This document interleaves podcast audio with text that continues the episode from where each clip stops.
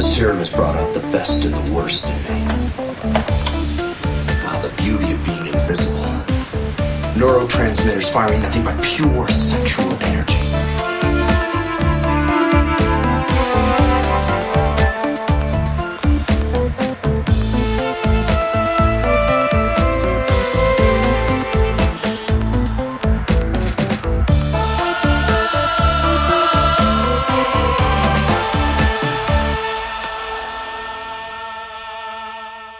Välkommen till ett nytt avsnitt av skräckfilmspodcasten Vacancy med mig, Erik Nyström. Och med mig Magnus Johansson. Hur många öl drack du ute? Eh, tre öl. Eh, försprång har jag här. Ja, vad vet du? ja, exakt. Va, va, vad, har du? Vad har du för öl framför dig nu då? Jag har, ett, jag har en väldigt bra öl för, för avsnittet. Jag har en eh, Phantom, heter den, från eh, Omnipollo. Eh, en IPA med en en hand som håller i en spegel där man ska kunna spegla sig i. Men det är så immigt och, eh, och så att jag kan inte riktigt se mig själv i, i den här spegeln. Äh. Så jag tyckte att det, det passade bra till, till osynliga mannen avsnitt. Jag trodde du menade på att du redan var lite dimmig. Just det. I förra avsnittet så var jag ju kattvakt. Ja. Minns du kanske? Som tack för att jag var det. Katten är inte kvar nu, den har åkt hem så fick jag lite öl från Skåne. Mm. Så jag har en Pax Regina IPA med hjärtat i, vad fan står det, Flyinge eller någonting. Något skånskt lokalproducerat. Det är en katt på omslaget. Nice. Ja, eh, precis. Jag hade faktiskt det. det. Det jag drack ute i kylskåpet, eller den här. Så det blev, blev den här. Det var den, vad heter den? Gamma Ray. Den är ju nice. Det brukar de ha på tapp. Mm, lite här och precis. där. Eller på även så här mindre nogräknade ställen kan ha den på tapp också. Mm. Eh, den hade en väldigt... Eh, men sån här IPA gillar jag som är lite så här maltigare. Nästan lite så här att den smakar lite blod. Just det. Den här var god också. Mm. Ja, de brukar vara ganska stabila Omnipollo. Mm. De har aldrig den, den där eh, Ebucaneser. Den med den eh, trasiga amerikanska flaggan. Ja, just det. Den är riktigt bra. Mm. Men eh, de har den aldrig i, inne här. De kanske måste Nähä. beställa. Eh, ja men vad ska vi prata om för filmer då? Ja, det, hade du redan antytt någonting med Osynlig man? Exakt, vi ska, vi ska titta på två, kanske, kanske mer i komedihörnet av, av eh, Invisible Man-filmerna. Och eh, vi ska se eh, The Invisible Maniac från 1990. Ja. Memoirs of an Invisible Man från 1992. Mm. Eller, eller kanske eh, till och med John Carpenters Memoirs of an Invisible Man. Jag vet inte. Satte han sitt namn före den här titeln? Han kanske... Nej, förmodligen inte. Nej. The Invisible Maniac är väl där vi startar. Yes. Den här hade jag ingen aning om att den existerade förrän vi eh, pratade om att vi, att vi ska göra något av de här osynliga grejerna. Och då sa vi vi måste prata om den. Eller vi borde prata om den.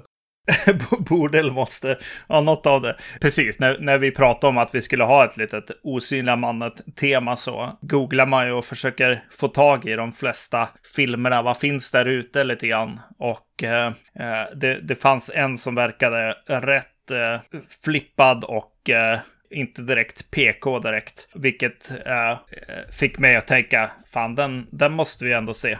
Utmana oss lite. Mm. Yes. Det här finns, jag vet inte om den är släppt i något fysiskt format. Är den det? Nej, det vet jag inte heller.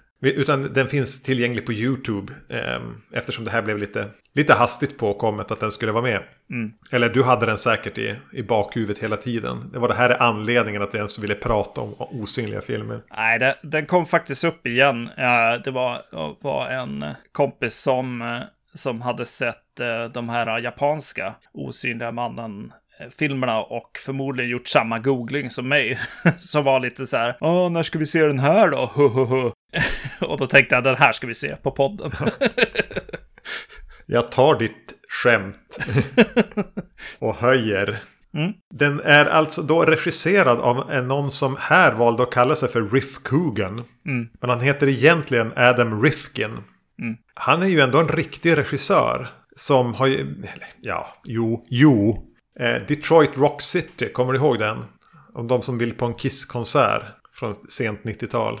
Nej. Det är ju med någon så här, men typ Edward Furlong eller någon. Ja, nej. Nej. Jag tror att, att eh, om du skulle se någon trailer eller se Ja, eh, då kan- omslaget så skulle det ringa en klocka. Den har han gjort. Sen gjorde han den här med, som väl typ blev Burt, Burt Reynolds sista film. Just det. Eh, Den hette The Last Movie Star eller något sånt där. Som handlar lite grann om en åldrad döende sk- skådis. Mm. Och eh, ja, men som, som sagt var, det verkar vara en riktig regissör. Och han, han var typ 23-24 när han gjorde den här. Och hade någon gjort någon film tidigare och gått så här filmskoleutbildningar. Och var lite het och fick skriva en draft på en remake på Planet of the Apes. Före han gjorde den här.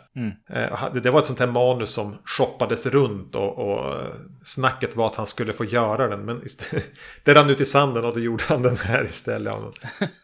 Så det är våran, det är våran Adam Rifkin eller Riff Coogan. Den handlar om en, eh, ska vi kalla honom för galen vetenskapsman? Ja, det ska vi. Som rymmer från fängelset. Eller från psyk- psyket där han har blivit inlåst efter att han har dödat en massa andra vetenskapsmän som skrattar ut honom när han misslyckas vid en eh, demonstration av sitt experiment. Eh, han lyckas på något sätt få jobb på eh, en high school. Eller på här summer school på en high school. Istället för någon lärare som, vad fan hade hänt med honom? Han hade dött. Ah, han kastas in som vikarie och ska, vill väl som fortsätta med sina experiment och ska väl försöka undervisa en massa sjukt störiga high school kids. Det är lite osynlighet, lite, lite naket och eh, så småningom även lite mord. Ja, den öppnar ju när han är, är barn och ska bli vetenskapsman. Eh, hans, jag tror hans mamma har bestämt sig för att eh, han ska bli det och eh, klär upp han till, till vetenskapsman, är känslan. Ja, Hans mamma verkar lite instabil. och... det är lite Norman Bates och Mrs Bates-vibbar. Precis. Och eh, han själv är ju det också. Och sitter, stå, står på sitt rum och eh, tittar ut eh, med ett teleskop eh, till eh, en kvinna som klär av sig för natten eller någonting. Lite dansandes, som man gör. Exakt. Under förtexterna ska vi säga får vara den här kvinnan som dansar och klär av sig till någon 60-tals poplåt. Eh, sen stormar mamma in och säger att han är en perverterad usling. Precis. Hopp till nutid. Och eh, han har ju tänkt att bli, bli osynlig då och har kommit på, ja men forskat helt enkelt. Och så ska han demonstrera mitt framför folk som har rest in från hela världen för att Ja, få den här demonstrationen. Och misslyckas med att bli osynlig och eh, blir galen istället, känns det som. ja de är ju jättetaskiga med han. Ja. De hånskrattar ju åt den här stackaren. Och han, han dödar dem.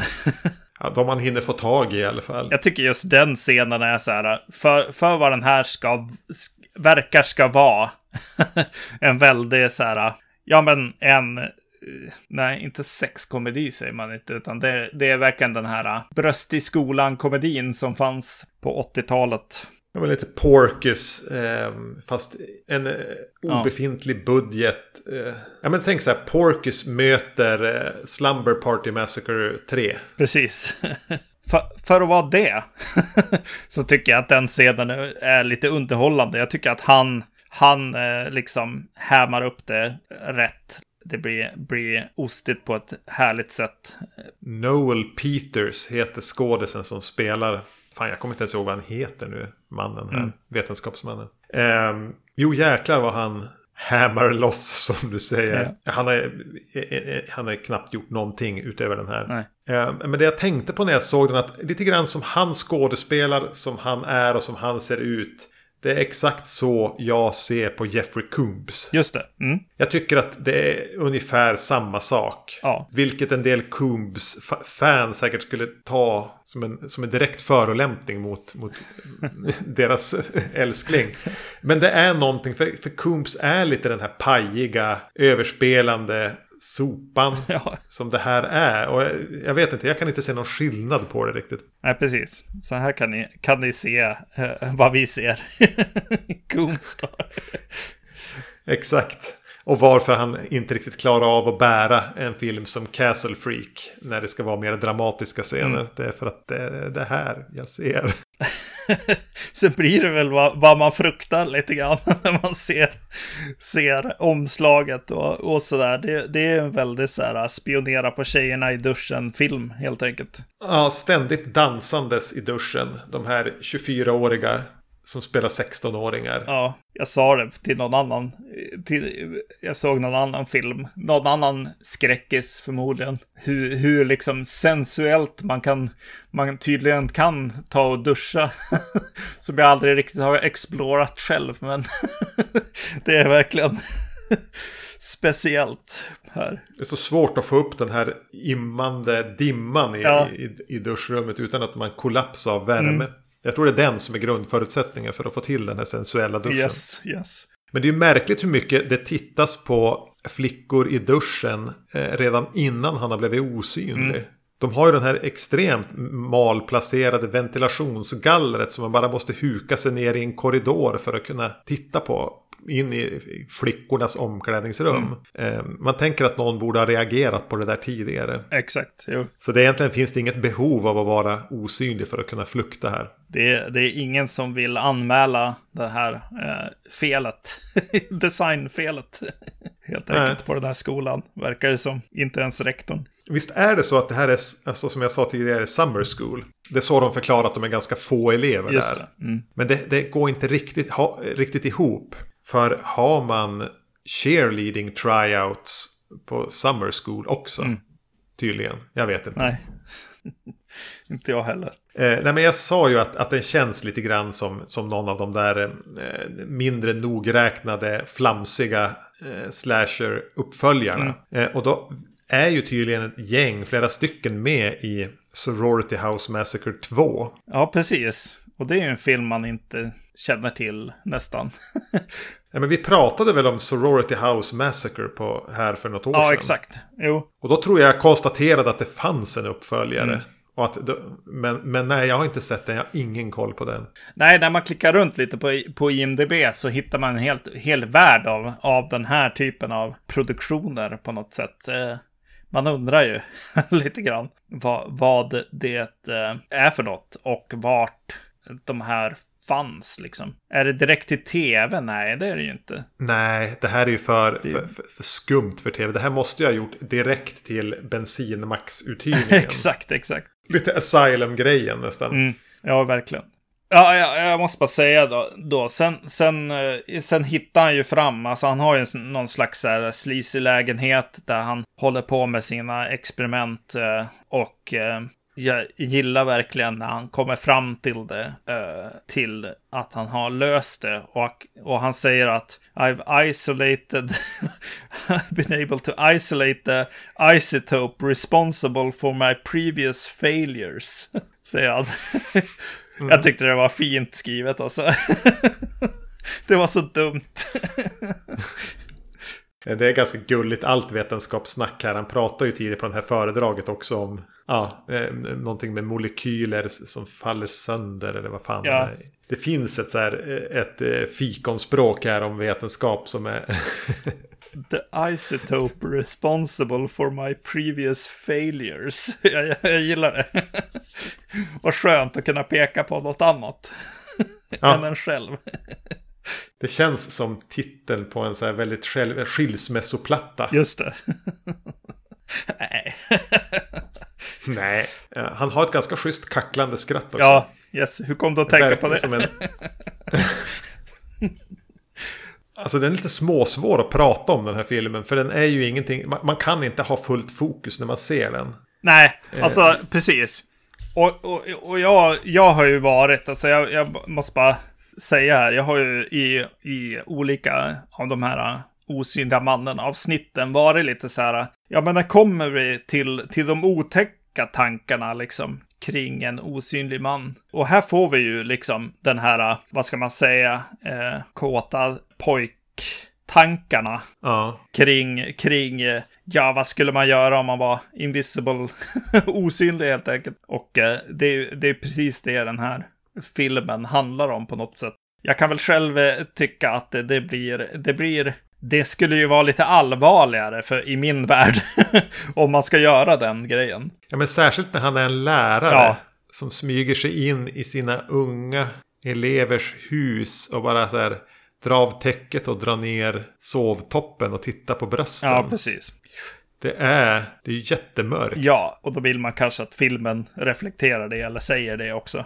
Istället för Mm. att det är kittlande på något sätt. Eh, Jo. för unga pojkar helt enkelt. Vilket jag tror är publiken här. Ja, ska hyra den i grupp och se den i någons källare. Ja, precis. Sen i övrigt, alltså just med det här eh, när man, när man, som vi pratade om med IMDB och så här, bara, vad är det här för företag och vilka, vilka gör alla de här filmerna och sånt? Och det blir, det blir en liten känsla av att det är liksom, det är lite som att klippa bort sexet ur porr. Ur, ur någon slags mjukporr i alla fall. Ja. Särskilt när liksom eh, rektorn eh, börjar, börjar liksom locka in elever för att ha sex eh, på sitt kontor och sådär. För att rädda deras eh, scholarship och sånt. Ja, exakt. Ja, hon är riktigt risig. Ja, Men det är på något vis alla, alla vuxna. Alltså ingen, ingen karaktär här är ju i närheten av att vara sympatisk. Nej.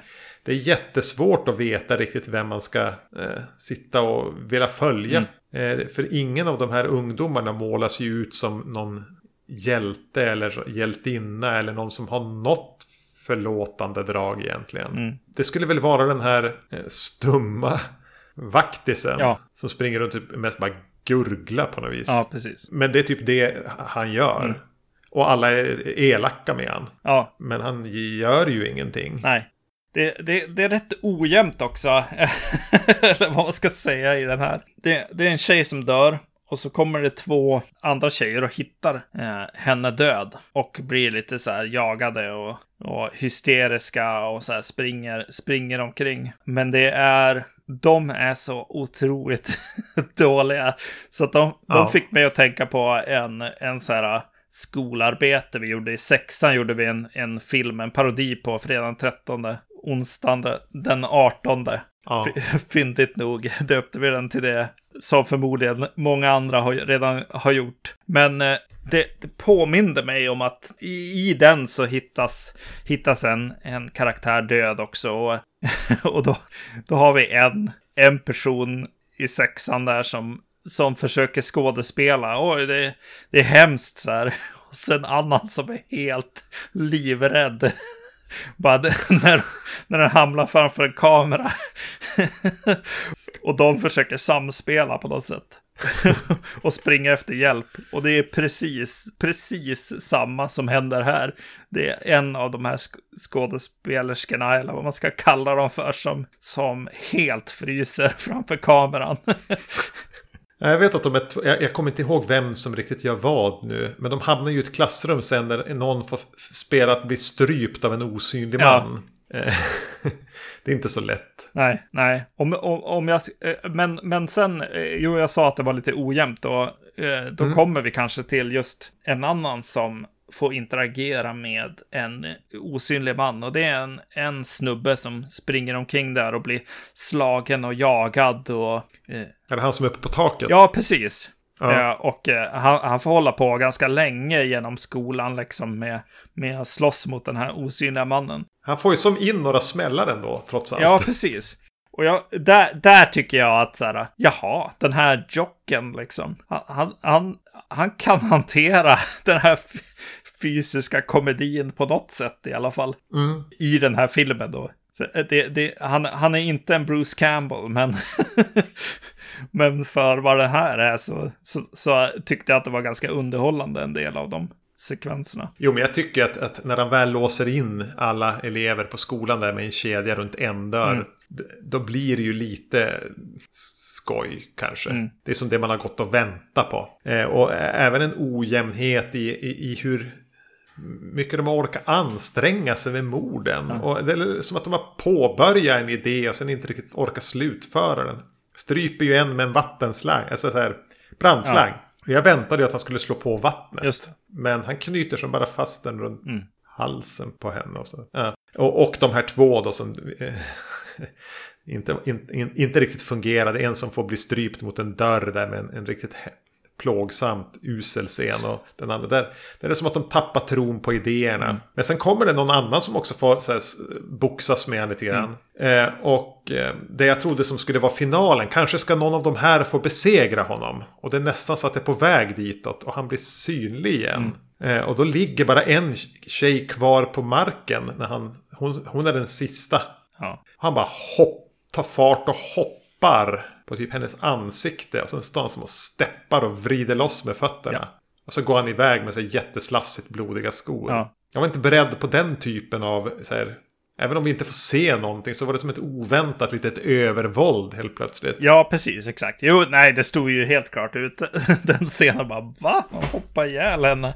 Ja. ja, det ser man ju inte eh, liksom Jason göra eller så. Alltså det, det, skulle, det skulle kännas lite konstigt om någon, någon slashermördare helt eh, plötsligt skulle liksom eh, lyfta från marken ens en gång. ja. Men det är ju en ganska rolig idé. ja, sen, sen köper jag det inte. Nej. Eh, och det är inte väl genomfört alls. Nej. Men det jag kan tycka är nästan så här enskilt bästa bilden i den. Det är ju hon som är intryckt i ett skåp som de hittar några gånger. Ja. Eh, då har de som lyckats med maken så att de ser lite död ut och det är ganska mörkt. Och det är som bara en bild på någon som är intryckt i ett eh, omklädningsskåp. Ja, precis. Och ljussättningen och, och makeupen som sagt. Och liksom, ja, kanske att den inte är så eh, jag vet inte, så explo... Alltså att den, den inte är bara fullt, fullt on ljussatt liksom. Är väl, står väl ut helt enkelt.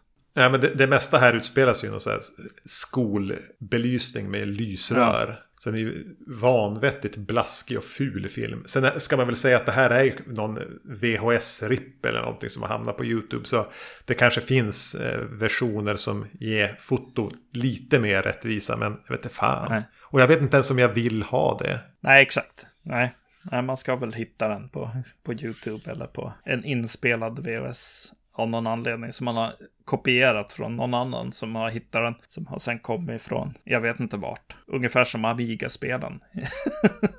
Helt enkelt. Ja. Åkte till någon äldre grabb någonstans och kopierade spel liksom. Vad hette kopieringsprogrammet man använde? X-copy. X-copy. Yes. Hon som hittas i skåpet. Mm. Den karaktären heter Vicky. En, eh, kanske den som sticker ut mest med att hon är väldigt blond och ändå har någon liten karisma. Mm. Det finns en väldigt mörk historia runt den skådisen som jag tänkte att vi kunde ja. roa oss med en stund. Du nu, kanske är redan all... nu är det dags för en Eriks... ja, en, en Erik... Historia. Eriks hörna. Erik berättar. eh, det, hon var ju hon var ganska ung här. Hon var 20 när, eller 1920 när hon gjorde den här. Hon hade redan när hon var 17 breakat i, inom porren. Mm. Hade relationer med flera, säga, David Lee Roth och Vince Neil och sådana här, alltså halvgrisiga rockers. Mm. Paul Shore var hon också ihop med. Många kändisar hann hon med. Yeah. Hon hade väl en ambition om att försöka ta sig in och, och göra alltså, i mainstream-film. Vilket man ändå får kalla det här i jämförelse med, med porr. Mm. Eh, och gjorde några roller, jag tror bland, däribland eh, Eh, hon är en av de som är med i Sorority House Massacre 2. Just det. Men eh, på premiären av den här så tyckte hon var fruktansvärt jobbigt. För hon visste ju, alltså hon upplevde att publiken skrattade åt henne, inte med henne. Mm. Så hon tappade liksom all, hon får jätteilla av att liksom se sig själv bli hånad som skådis när hon ändå tänkte att hon försökte göra något allvar, seriösare. Oj. Hon hade redan skaffat ett drogmissbruk men det, det blev inte bättre. Och 94, alltså vadå, fyra år efter den när hon var 24 så är hon med i en, en lite lindrigare bilolycka med sin fina dyra bil. Ja. Eh, stapp, far hem efter det, eh, går ut i garaget och skjuter sig. Eh, och dör inte heller direkt. Nej. Men, men, men typ någon dag senare.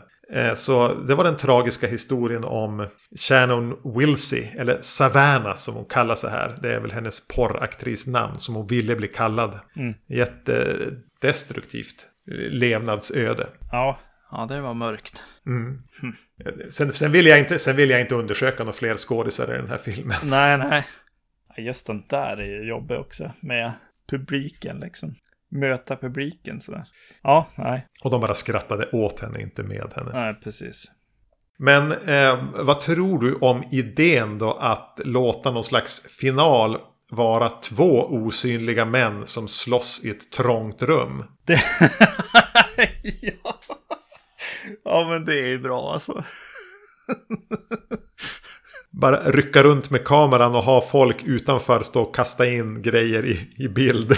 Jo, men ungefär som du sa det nu är ju som det gick till känner jag. Jag känner ju att det här är väldigt mycket ama amatör, liksom, eh, skräckgrejen, eh, liksom. Det, det är något som vi som är unga, om vi hade tillgång till, till skådespelare, höll jag på att säga, skulle kunna hitta på.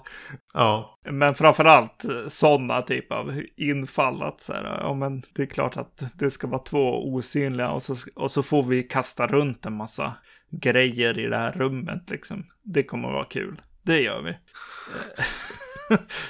Nej, men det är lite kul kan jag tycka. Och lite kul också hur de, hur twisten där liksom. Att, att de här två osynliga männen också har samma kläder på sig.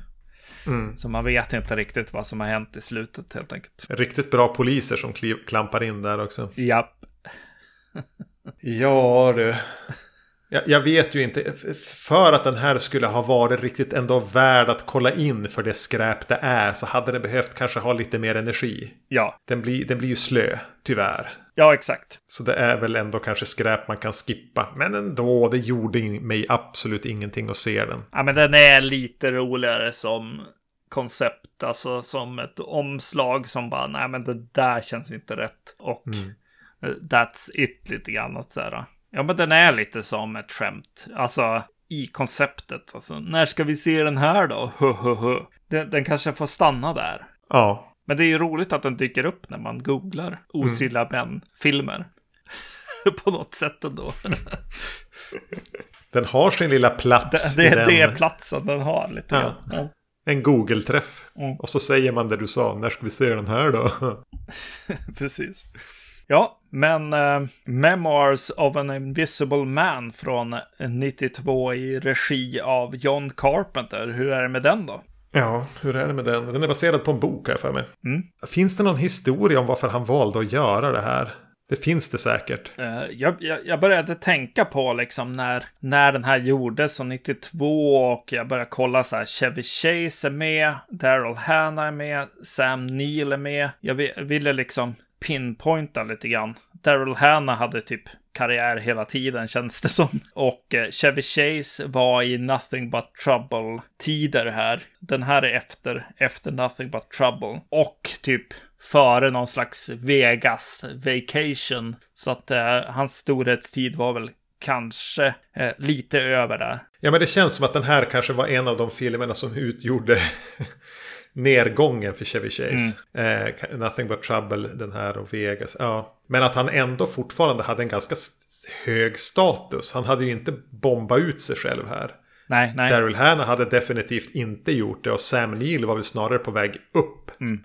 Och John Carpenter, han hade gjort They Live fyra år tidigare och Eh, två, han är två år från In the Mouth of Madness här. Mm. Så han är väl, är väl, ja, i sitt mellanskikt också på något sätt. Jag vet inte om, om det var en, en chansning på att ta nästa steg från genrefilm eller någonting. Ja men precis, att bli lite bredare, få jobba med lite mer pengar, lite större namn och kanske få, ja, casha in. Han, han, brukar kalla sig för en liksom gun for hire ibland, men jag, jag, jag, vet inte om det stämmer egentligen. Det är väl han som, hans åsikt, eh, nedvärderande humor kring sig själv. Han gör ju alltid John Carpenter-filmer egentligen. Den här står väl kanske ut och en del remakes kanske att så här, den där Village of the Damned och sådär kanske känns lite mer som, som ca casha in på någonting. Ja, väl är det här också att han har checkat ut lite grann. Ja, jag ja. tänker att han kan, han kan fortsätta och bara göra eh, erbjudanden han får istället för projekt han kanske själv dras till.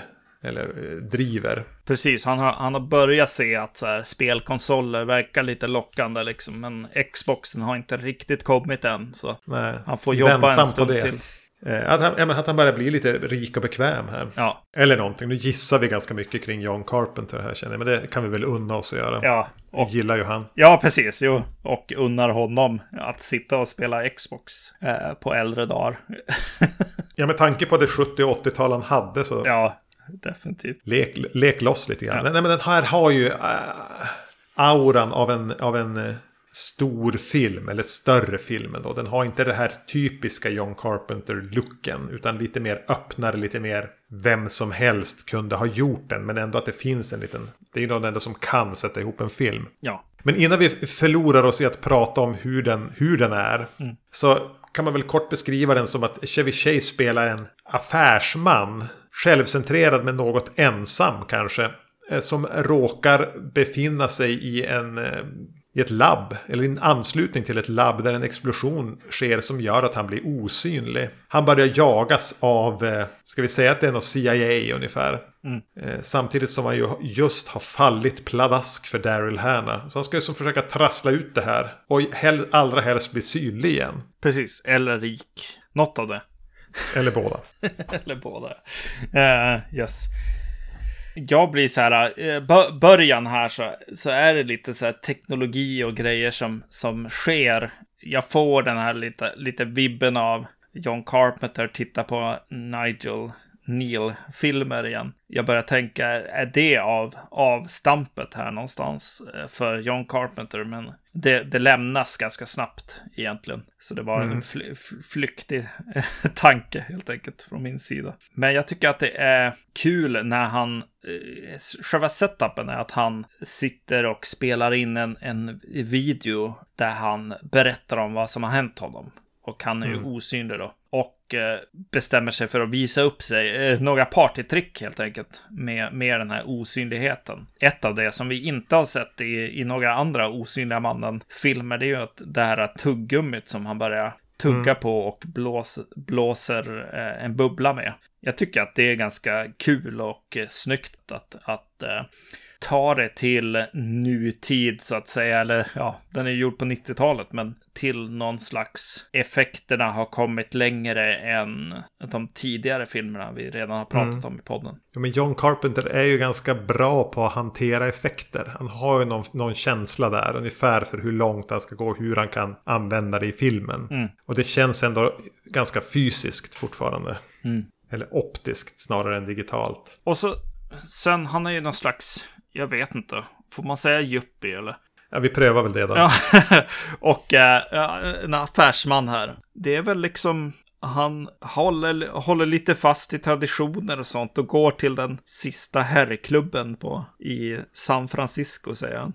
Och eh, där, där trivs han lite grann i baren och så. Och eh, möter ett gäng som ska på middag. Och han joinar dem. Och träffar då Daryl Hannah. Och här, här är något som gjorde mig så här lite obekväm och eh, nervös för resten av filmen. Den, den sekvensen, när han träffar Daryl Hannah, så eh, klipper de det jätte, jättekonstigt. Hon sitter och ler på något sätt och sen ska den här, de här blickarna mötas och så ska vi veta att de är kära, eller att han i alla fall blir lite kär i henne där i första ögonkastet.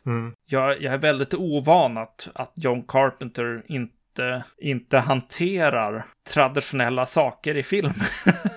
jag, jag tyckte att det klippet var jätteunderligt och jag ble, blev mer, tänkte mer på, på klipptekniken än på, på känslorna där. Så jag blev lite nervös helt enkelt. Ska han klara det här hoppet från skräckfilm till någon slags eh, skräckkomedi eller vad man ska kalla det. Jag, jag- jag tycker att jag blir, jag blir o, orolig. För att det är någonting med Chevy Chase mig. Jag, jag, kan, jag gillar de här Fletch-filmerna han gjorde. Och kan tycka att han har den här lite Saturday Night Live, eh, slöa Bill Murray-stuket på humor som kan vara ganska kul ibland. Och det gör ju att jag någonstans smågillar honom. Och blir lite charmad bara av att, se han som en- den här juppin i kostym. Men sen så är han otroligt obehaglig mot Daryl Hannah. Tycker jag. Alltså jag, jag får mer känslan av ett rovdjur eller någon sån här metoo-farbror. Ja, Eh, än att det faktiskt ska slå gnistor om de här. Att hon nästan så här, eh, som att han tvingar sig på henne. Framförallt under den här scenen nere i herrklubben. Ja, han är, han är skri, kanske skriven, men han, han spelar ju en företagare eller kontorsnisse som har kommit upp sig i världen där, där han egentligen egentligen inte gör så mycket på kontoret. Eh, hans, hans sekreterare liksom eh, mörkar för att han egentligen inte jobbar så mycket kanske, utan har mer made it så att säga. Mm. Långa luncher, alkohol och kvinnor. Eh, precis, och med, och med det kommer ju kvinnosynen kanske bland de här eh, männen. Han reflekterar ju det, tycker jag. Jo, men filmen blir väl lite grann att han ska upptäcka världen bortom det materiella. Just det. Mm. Bortom köttet också. Ja, men jag tänkte på det med herrklubben här och sedermera det här strandhuset. Det är som att den här filmen gillar att mysa runt i såna här rikemans... Eh, ställen. Ganska klassiska. En herr, flådig herrklubb med typ öppen bar nästan. Och sen hamnar han i ett strandhus hos någon han känner som också är väldigt flådigt. Ja. Och den bara gillar att stanna upp och vara i de här rika miljöerna. Mm. Jag, jag, kan tänka mig att boken frossar i dem. Att den vill, vill visa någonting där. Men kanske inte riktigt tycker att den lyckas kräma ur någon poäng ur det. Nej, det gör den väl inte, utan den är ju i den här miljön liksom. Och, och låter det vara den miljön på något sätt också. Alltså det är inte så att så här, ja men han åker till en kompis eh, liksom strandställe liksom. Och beställer saker på hans eh, kompisens nota och sådär. Kompisen kommer dit och så bara, ja men det här är nog min polare Chevy Chase ändå som har varit ja. här. Eh, och eh, räkat upp en nota på ja, mycket pengar helt enkelt. Han är inte så himla upprörd över det. Nej, det finns... ja ja. Det är bara ja ja. så, kan, så kan det gå. Jag har ju det här strandstället. Vad ska jag, skulle jag ha det till liksom? Jag, var ju, jag har ju liksom inte, inte varit här på ett tag så det är väl lugnt. Lite grann. Nästan så får jag en känsla av. Mm, ganska sorglösa. Ja, precis. Men, men, men uh, själlösa mm. miljöer och karaktärer. Men du, vi hoppar till den här olyckan i den här byggnaden. Mm. Där, det är väl typ någon som råkar slå ut en kaffekopp över ett kontrollbord som leder till det här. Precis. När han ska peka vägen till badrummet åt Chevy Chase. Ja, lite onödigt så här Kalle Ankaig mm. anledning till att allt går åt helvete. De lyckas, alla, Chevy Chase har somnat i en bastu för att han är så förbannat bakfull. Mm. Eh, och det blir en märklig explosion. Och det som är kvar sen är rätt coolt. Att huset, det, det är ju ingenting som är förstört. Nej. Utan delar av huset har bara blivit osynligt. Mm. Ungefär som man kan tänka sig att en brand skulle ha härjat i det. En explosiv brand. Ja. Så det, vi, vi, får ju se en matte painting eh, visuell effekt stå där och vara så här, fläckvis osynlig. Mm. Jag tycker det ser rätt coolt ut. Jag tycker också framförallt nästan eh, när det börjar hända så får vi en ex extern eh, blick på det här äh, huset och eh, liksom det börjar så här blixtra om det och ser nästan ut som att det är en galax i det här äh, mm. huset. Jag, jag gillade verkligen den, den effekten och ja, det, det är ju fyndigt och lite kul. Helt klart. Sen kan jag tycka att de point of view inifrån, liksom när han tittar runt. Jag köper inte helt. De, de, Nej, de behövde ha en inte... himmel liksom. Det, det, är något svart bara i bakgrunden. Och, och där behövde de ha något moln eller någonting i alla fall. Det är som att den inte riktigt stämmer i proportionerna heller. Den blir ganska liten den här byggnaden. Precis, det är någon slags miniatyr förmodligen där. Mm. Ja, men det, det, det, det, kunde jag uppskatta. Och sen kan jag ju ändå eh, säga att, att Sam Neill bidrar ju med någonting här. Först måste jag säga, alltså de, de börjar ju förstå att det är en en osynlig man där inne för att han, han, han tar på sig en, en mössa och han sitter i en stol och folk börjar se att så här, vänta, det rör sig där inne. Här finns det dock, alltså mot för att jag inte köper att han blir kär i Daryl Hannah vid första ögonkastet, så köper jag med en gång att ingen annan ser honom, eh, men vi ser Chevy Chase. Mm. Den övergången som de gör där från från liksom, åh, han är en osynlig man till att vi får se honom i bild. Och jag köper att han inte är där för alla andra. Det sitter på en gång. Ja.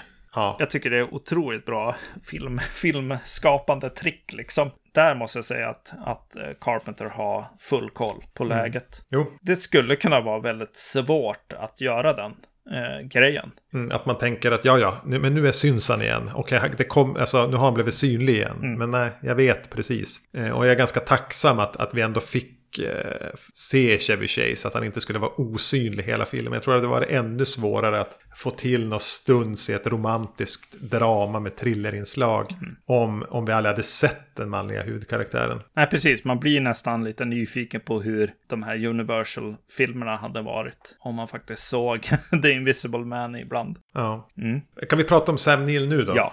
Eftersom Som jag sa, han är ju som på uppgång här. Och hade väl spelat lite skurkar och så. Eller han spelat... Jag tänker bara på att han spelade Damien i en Omen-film på 80-talet. Men det är väl något år innan Jurassic Park. Och eh, jag tycker han är så här härligt. Han spelar det så enkelt. Han kan det här. Han är så här opålitlig. Eh, har lite schysst skurk-aura. Och han har poänger också. Han är, han är ju som inte bara helt fel ute. Nej, exakt. Eh, Och särskilt kontra, kontra den här juppen eller företagaren och, och sådana som jag kan tänka mig att kanske John Carpenter har lite, lite problem med i vissa, vissa fall. med, med tanke på att han fyra år senare gjorde They Live till exempel. Ja, fyra år tidigare. Ja, precis. Jo, nej men exakt. Han har ju någonting han stör sig på där. Eh, men det jag tyckte var synd med hela eh, Sam Neils karaktär. Att här är han ju som bara handen för staten och eh, the government och hur de vill dra nytta av den här osynliga mannen. Och att han får i stora delar av filmen bara representera det. Men för att sen i slutet reduceras nästan till en ensam galning. Ja, Jag tycker det blir trist. Det blir så futtigt. Jag vill ju att, att uh, Chevy Chase ska vara jagad av hela, alltså av staten. ja precis. Jo. Men det kokar som i slutändan ner till att, att det nog var Sam Neill som hade spårat ur lite grann. Tycker det känns som en, en futtig lösning på, på hur man ska komma runt det stora problemet. Mm. Han vill ha en invisible agent, säger han.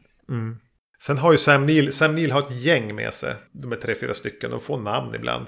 Jättetråkiga. Ja, Vilken chans de hade där att kunna göra dem. Ge dem lite små quirks och egenheter och göra det till ett, ett gäng som är den här, vad heter den? Jagad. The Fugitive. Där Tommy Lee Jones drar runt på det här gänget som är ganska charmiga. jag, jag refererade direkt till Bebop och Rocksteady. Ja, om det ändå hade varit dem. Ja, alltså, ja precis. Han är ju, han är ju säker, Sam Neill helt enkelt. Eh, och sen tycker jag att vad det, det finns en, en eh, rolig scen med honom. Alltså han, han ska ju vara the straight, straight man, men han, han gör ju lite komedi helt enkelt i, mot, mot eh, slutet av filmen. Eh, en grej som jag tycker är jättecharmigt är att Sam Neill misstänker att, att eh, den osynliga mannen är i hans rum. Och för att avslöja honom så gäspar Sam Neill Ah, så att Chevy Chase måste gäspa också. Det tycker jag är fantastiskt bra idé. Ja, det är bara bra. Och eh, sen så... lurigt och roligt. Ja, precis. Och sen är ju Sam Neill, jag, ty jag tycker att det är roligt när han eh, under pistolhot eh, och liksom med, med armen höjd bakom ryggen blir utförd av en osynlig man eh, ur huset. Och eh, man förväntar sig inte att Sam Neill ska, ska hoppa in och, och göra liksom den eh, fysiska komedin där helt plötsligt. Nej, så Jim Carrey. Ja, så man blir li- lite glad bara helt enkelt. Han kanske inte säljer det helt fullt ut, men att, att Sam Neill gör det, eh, gör någonting, helt klart. På tal om humor, alltså. Jag skrattade ett par gånger och sen skämdes jag direkt efteråt.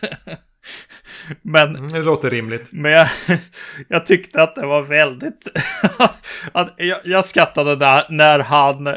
När Chevy Chase gör Chevy Chase-grejen. Han gör fysisk humor helt enkelt. Ja. Och eh, av någon anledning, med hans min, mimspel och så, så blir det, det blir roligt på något sätt. Till exempel så tycker han att det är svårt eh, att äta när man inte ser sina egna händer.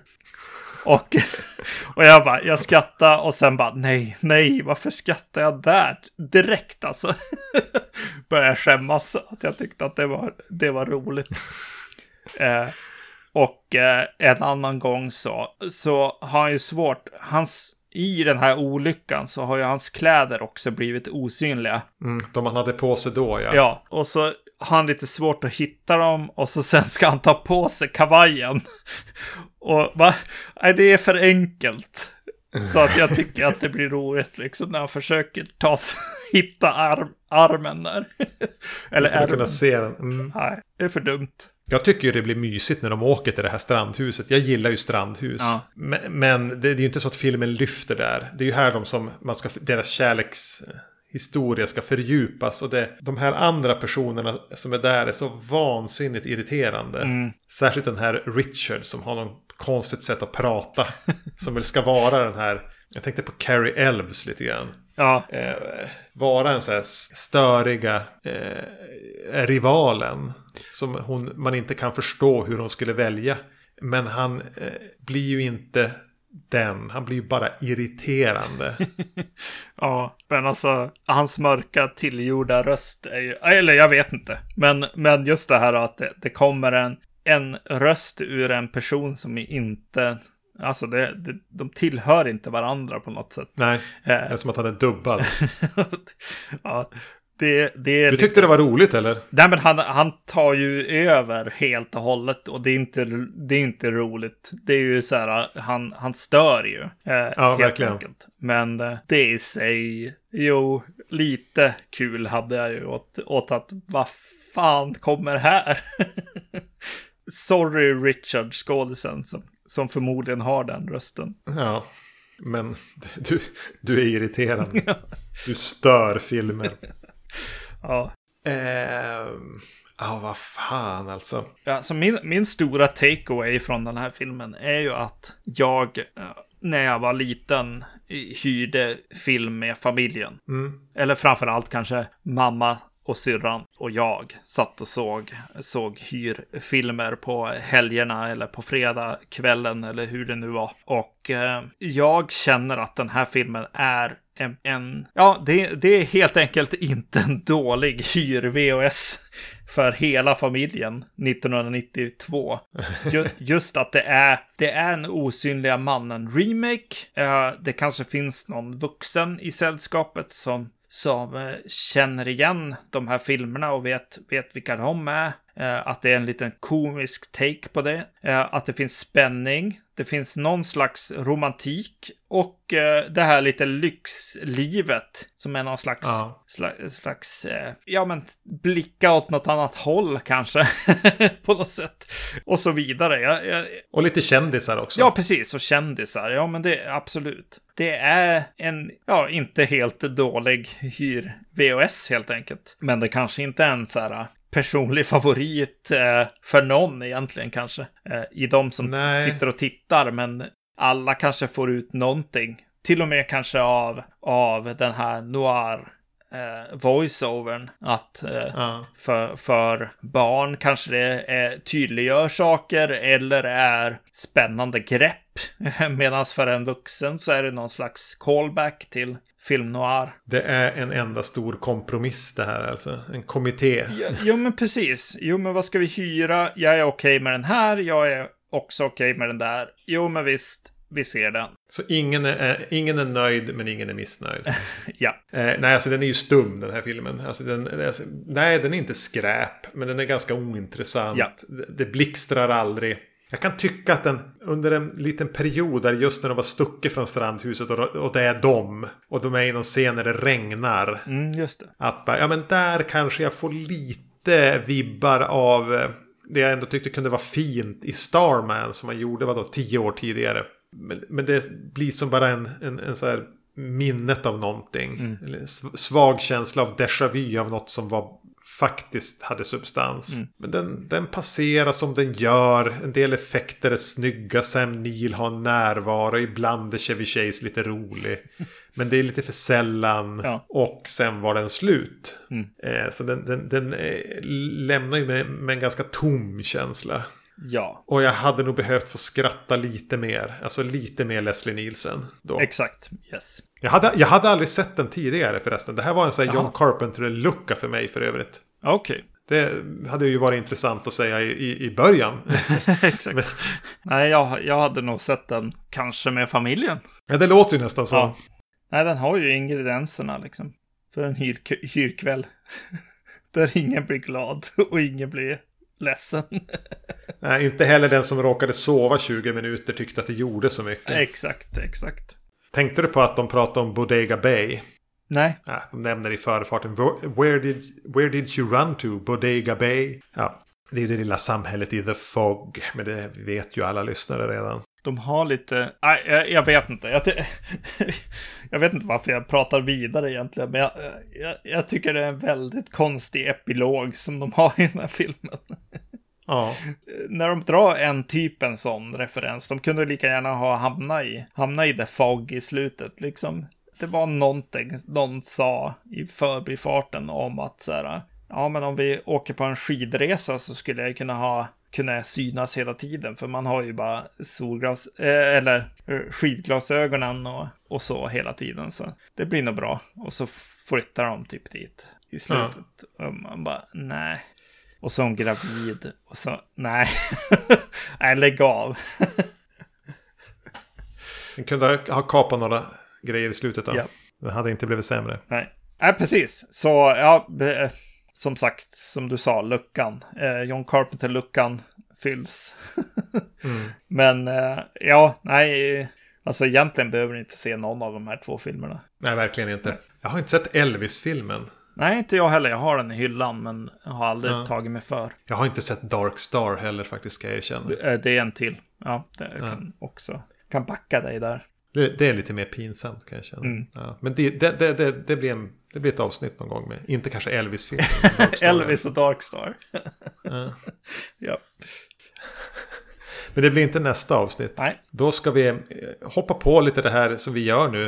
eh, Request-tåget. Mm. Fick ett ganska spännande avsnittsförslag på australiensisk stämningsskräck. Bestående av eh, Next of Kin och eh, Razorback. Ja. Sen har jag en, en hemlig film eh, som, som knyter an på det temat som eh, jag kommer att se och skicka till dig. Så det får bli en liten överraskning. Vad som är den tredje filmen i nästa avsnitt. Till och med så pass. Ja. Kul. Keeping it real. Yes. Kommentera gärna vad ni tyckte om det här avsnittet på Facebook eller mejla oss på podcast@vacancy.se där ni även kan komma med fler förslag på filmer eller teman eller liknande som vi ska ha här i kommande avsnitt. Eh, Eller bara tala om för oss hur jävla fel vi hade om eh, någon av de här två Osynliga mannen-filmerna. Varför de egentligen är de två mest essentiella Osynliga mannen-filmerna. Kanske tycker man det.